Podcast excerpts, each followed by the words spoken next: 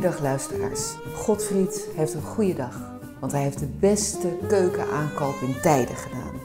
Nou, wat is het en waar gebruik je het voor?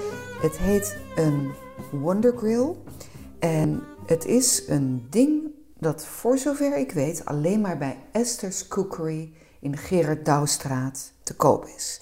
Het is een, ehm, ik denk Joods, Libanees, uh, Midden-Oosters apparaat en je gebruikt het speciaal om aubergines te grillen. Want wat is nou de truc als je een echt goede baba ganoush wil maken? Dan wil je dat die aubergines aan de buitenkant ook echt een beetje blakeren.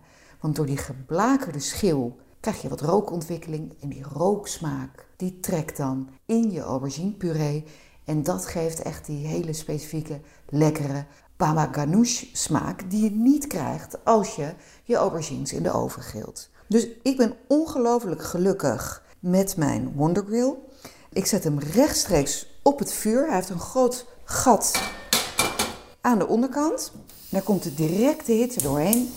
En hij heeft een soort van gaatjes aan de zijkant met daaronder een lekgoot, waardoor je aubergines niet alle rotzooi en vocht en sap en uh, geblakerde schilletjes op je fornuis achterlaten.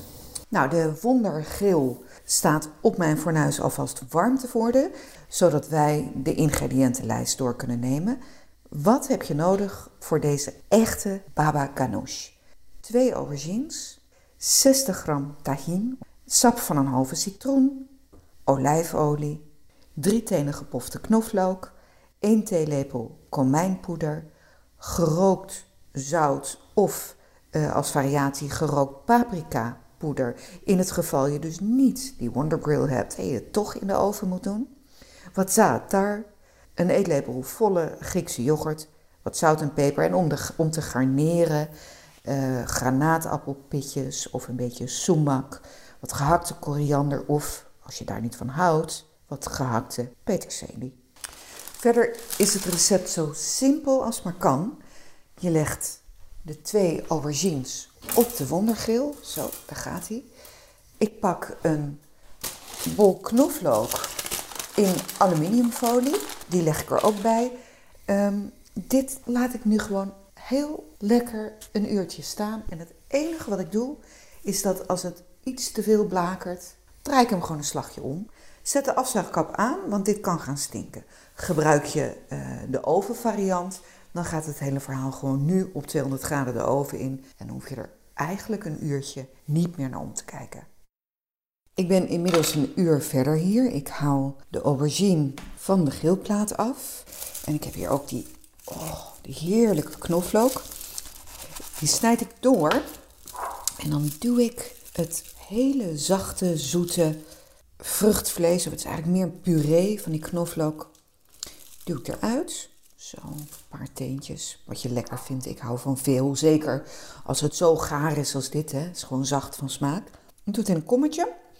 En de aubergine snij ik over de lengte door. En dan haal ik met een lepel vanaf het steeltje, dat hou ik vast. Zo schraap ik het vruchtvlees eruit.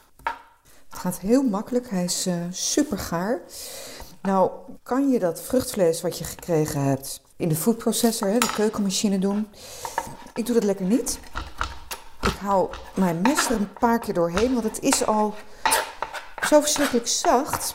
Dat je hoeft er eigenlijk niet meer zoveel aan te doen om er puree van te maken. Hoppakee, lekkere natte kledder doe ik in een kom. Ik knijp een klein beetje citroen. Pak hier een citroentje wat zout, wat peper, wat tahini, wat olijfolie. Zo, ik zet het even allemaal klaar. Had ik beter moeten voorbereiden. En wat komijnpoeder. Zo, komijn erbij. Draadjes peper. Zout. Dit is ook het punt, hè, als je nou uit de oven zou komen, dat je het rookzout erin zou doen. Ik ruik nu al dat hij bij mij rokerig genoeg is, dus ik laat dat achterwege. Ik doe er lekker wat olijfolie in en ik doe er een klein lepeltje zaatar in. Zaatar is, uh, het is eigenlijk een kruid, een soort wilde uh, oregano of marjolein, marjolein, majoraan uit het Midden-Oosten. Maar je ziet het hier vaak ook als een kruidenmix met zout, gemalen sesam. Ik vind het lekker om een beetje bij te doen. Zo, nou, lepeltje yoghurt erbij. En dan giet ik het mooi over in een leuk bakje. En dan doe ik er een beetje sumac overheen. Het is uh, mooi rood van kleur, een beetje zuurig van smaak. Ik uh, doe er wat koriander overheen en een mooie scheut olijfolie die erop blijft liggen. Jongens, dit is een echte, hele rokerige baba ganoush. Eet smakelijk.